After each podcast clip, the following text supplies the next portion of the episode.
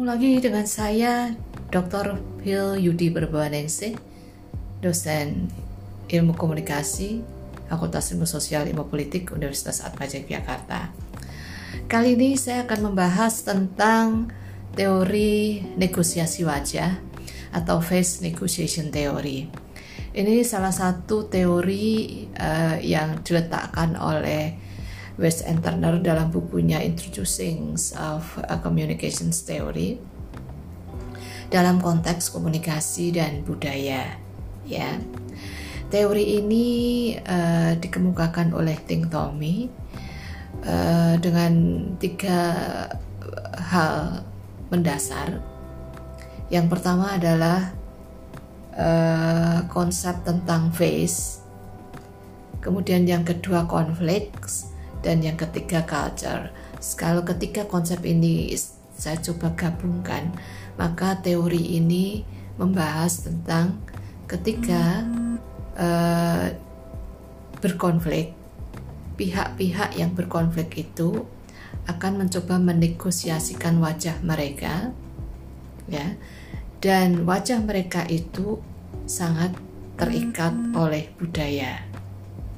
Dengan demikian konflik pun, penyelesaian konflik pun kemudian terikat oleh budaya. Nah persoalannya sekarang adalah apakah yang dimaksud dengan face atau kita terjemahkan menjadi wajah. Karena definisi wajah itu sebetulnya hanya sebagai sebuah metafora atau analogi dari yang kita sebut dengan self identity. Jadi saya ulang lagi, jadi teori negosiasi wajah itu teori yang membahas dalam konteks sebetulnya bisa ke komunikasi interpersonal, tetapi dilatar belakangi oleh budaya yang berbeda dan kemudian dalam konteks konflik. Sini dulu, nanti ke segmen berikutnya baru akan saya bahas secara lebih rinci tentang teori negosiasi wajah atau face negotiation theory.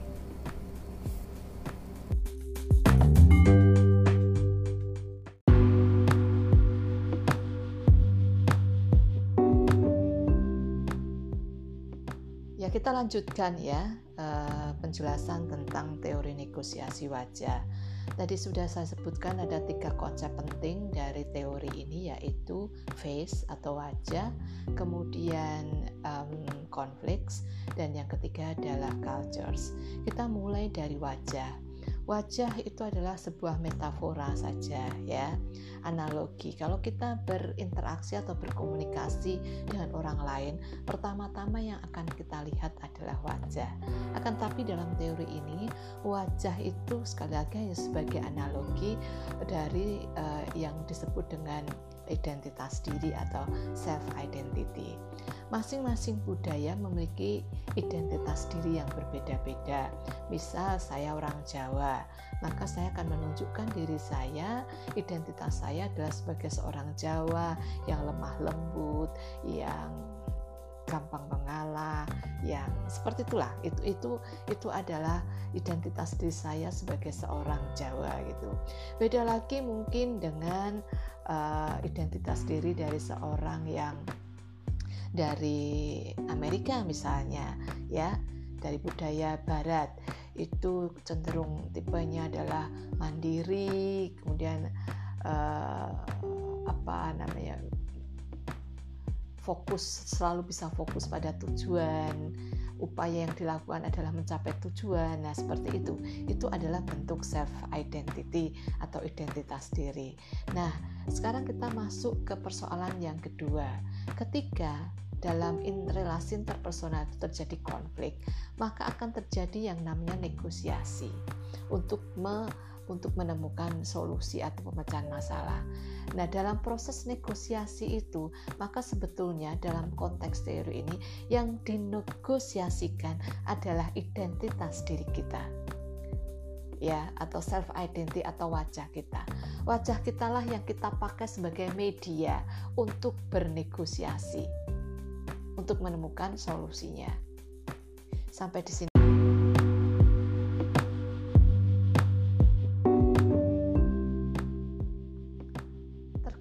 wajah seperti yang tadi disebutkan, wajah itu atau identitas diri kita itu sangat dipengaruhi oleh budaya.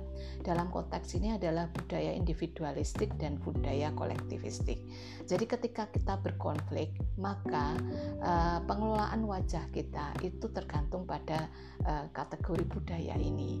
Ya, mengelola wajah itu ada dua konsep penting yaitu face need dan face concerns. Saya jelaskan dulu tentang face concern ya atau kepedulian terhadap wajah. Ada dua pilihan yang terkait dengan face concern. Kita peduli pada wajah kita sendiri atau identitas diri kita sendiri atau kita peduli pada wajah orang lain ya atau kita lebih cenderung memelihara atau atau menyelamatkan wajah orang lain daripada wajah diri kita sendiri itu itu pilihan. Kemudian ada face need yaitu merujuk pada inclusions atau otonomi. Inclusions itu uh, kita mencoba mengasosiasikan wajah uh, kita dengan wajah orang lain ya.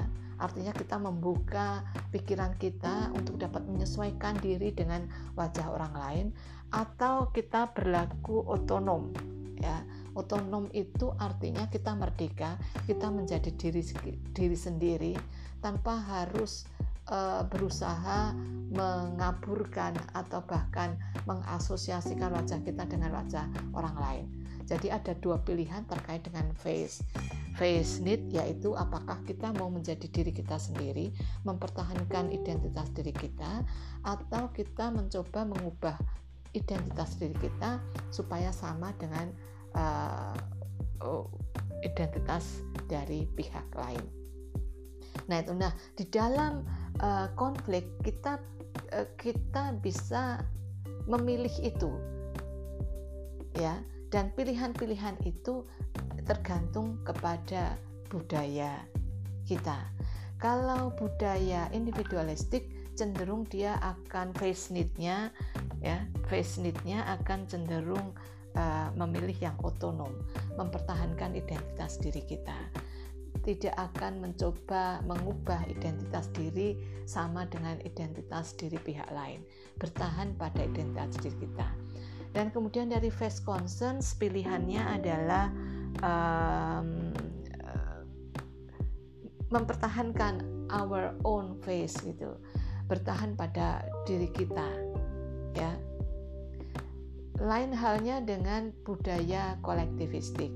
Kalau budaya kolektivistik itu ketika berkonflik, itu kecenderungannya akan memilih face concernnya itu akan memilih untuk um, mengalah gitu. Artinya justru ingin mempertahankan, memelihara wajah orang lain. Sedangkan uh, dari sisi face need orang dari bangsa kolektivis itu akan cenderung lebih memilih untuk mengubah identitas diri kita supaya sama dengan uh, wajah orang lain. Jadi kita mengasosiasikan, menghubungkan, mencoba menggabungkan ya atau bahkan menyamakan wajah kita dengan wajah orang lain yang terlibat di dalam konflik tersebut. Nah, itulah yang ter, ter uh, ter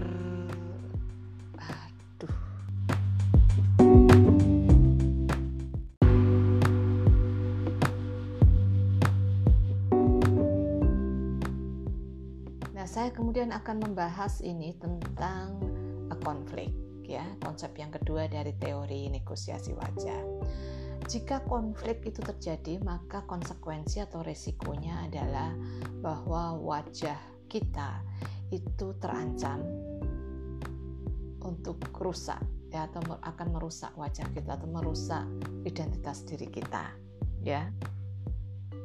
Jadi uh, oleh karena itu ketika kita ingin menyelesaikan konflik maka sebetulnya ada dua pilihan penting atau uh, ya dua pilihan. Yang pertama adalah kita mempertahankan uh, identitas diri kita atau wajah kita atau ingin menyelamatkan wajah kita dengan cara mencegah wajah kita uh, rusak atau kemudian yang kedua adalah kita melakukan tindakan untuk memperbaiki wajah kita jika kita memang sudah dirusak atau diserang oleh pihak lain.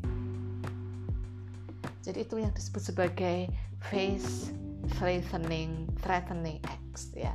Kita akan melakukan sebuah tindakan untuk dapat mempertahankan wajah kita ketika kita berkonflik. Nah, tindakan itu ada dua, yaitu tindakan untuk menyelamatkan wajah kita, itu dengan cara preventing or stopping embarrassment or predicament, ya, artinya mencegah atau menghentikan situasi di mana konflik itu akan menyerang uh, identitas diri kita.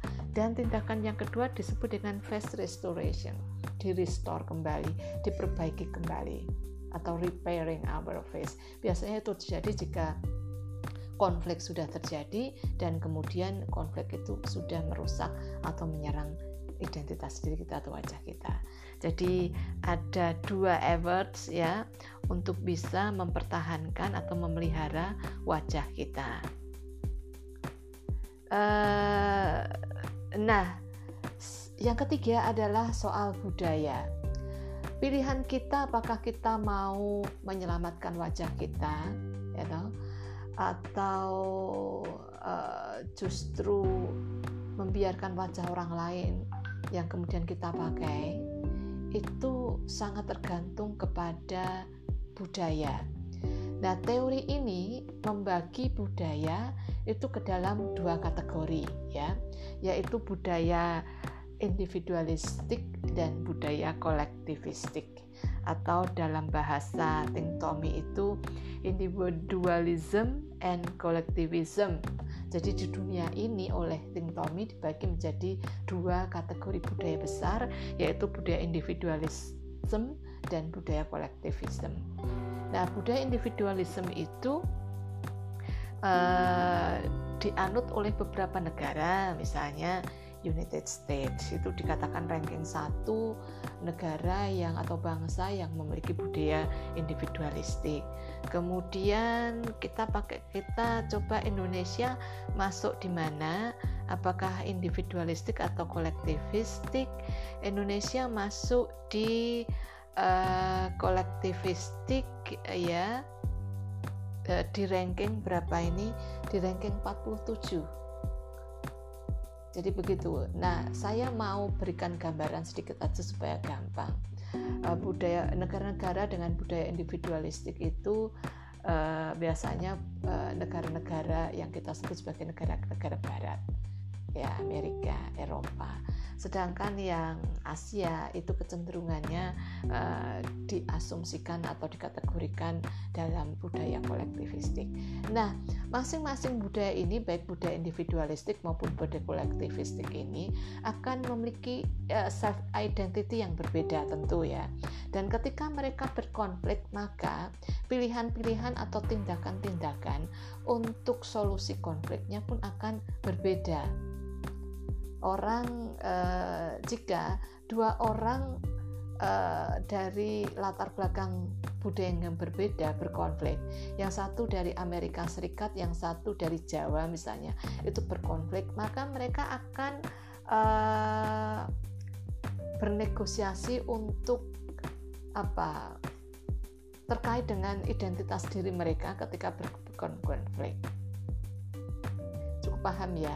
Dan itulah dinamikanya gitu. Nanti kita akan lanjutkan bagaimana solusi-solusi konflik yang mungkin terjadi ketika uh, ada konflik uh, interpersonal di mana mereka memiliki latar belakang budaya yang satu pihak budaya individualistik yang pihak lain adalah budaya kolektivistik.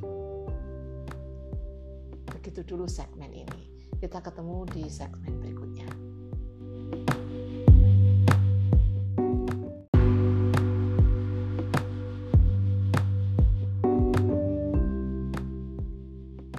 kita lanjut ya, lanjut. Bagaimana jika seorang Jawa dengan seorang Amerika berkonflik secara interpersonal? Ya, uh, apakah yang akan terjadi karena tadi punya asumsi bahwa setiap orang yang berkonflik itu akan selalu berusaha untuk uh, menyelesaikan konflik tersebut dengan menegosiasikan identitas diri mereka atau menek menegosiasikan wajah mereka.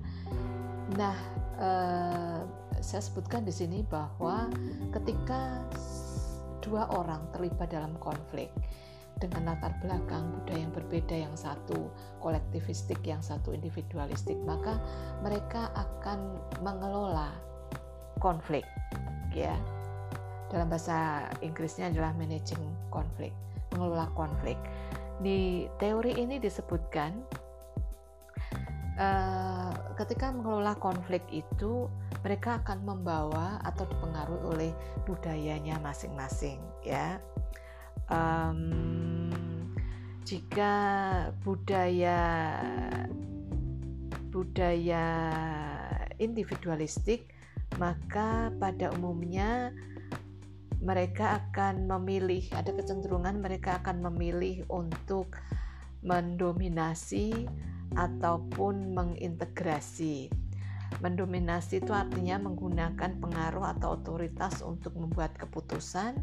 Kemudian kalau mengintegrasi itu berkolaborasi dengan pihak lain untuk menemukan solusi bersama. Itu pilihan-pilihan manajemen konflik berbasis pada budaya budaya dalam hal ini adalah budaya individualistik. Sedangkan kalau budaya kolektivistik kecenderungannya memilih uh, tiga tiga cara. Yang pertama adalah avoiding, itu menghindar, ya. Uh, avoiding itu ya menghindar lah. Saya nggak mau berkonflik, gitu. Tidak mau terlibat di dalam konflik. Kemudian uh, yang berikutnya ada obliging. Obliging itu justru dalam bahasa Indonesia-nya mengalah.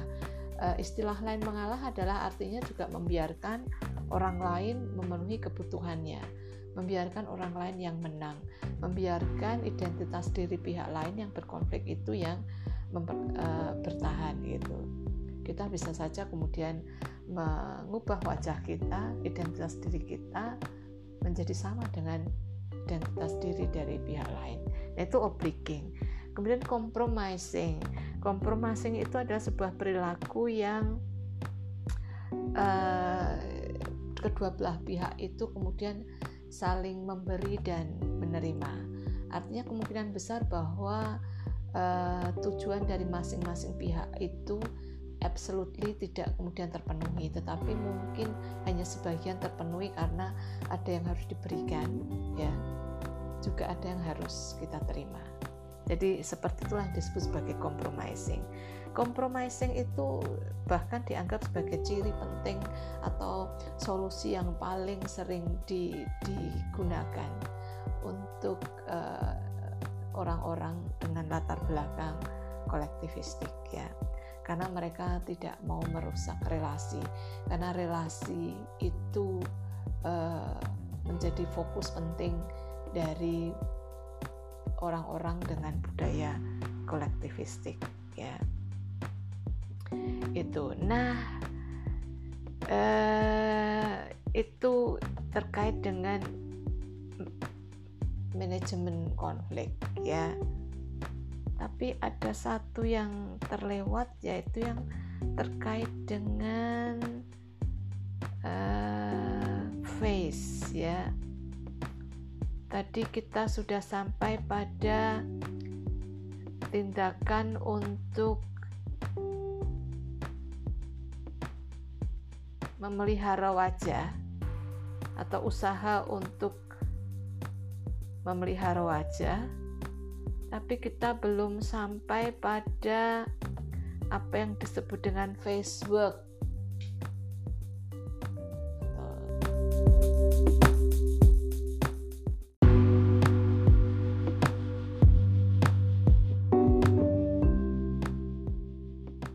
Sebagai kesimpulan akhir dari teori negosiasi wajah adalah bahwa ketika dalam konflik interpersonal dengan latar belakang budaya yang berbeda, Yang dimaksud dengan budaya yang berbeda di sini adalah individualistik dan kolektivistik, maka mengelola konflik itu akan berbeda tergantung pada budaya tersebut.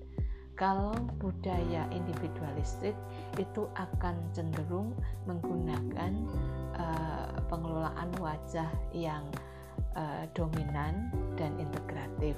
Sedangkan kalau budaya kolektivis itu cenderung menggunakan uh, pengelolaan wajah yang uh, avoiding menghindar, kemudian melakukan kompromi atau mengalah.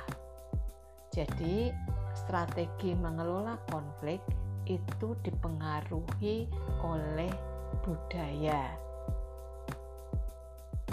dan pengelolaan konflik yang dimaksud adalah mengelola wajah atau identitas diri. Jadi seperti itulah yang disebut dengan atau dijelaskan oleh Ting Tommy dalam teori negosiasi wajah atau face negotiation theory. Semoga bisa dipahami.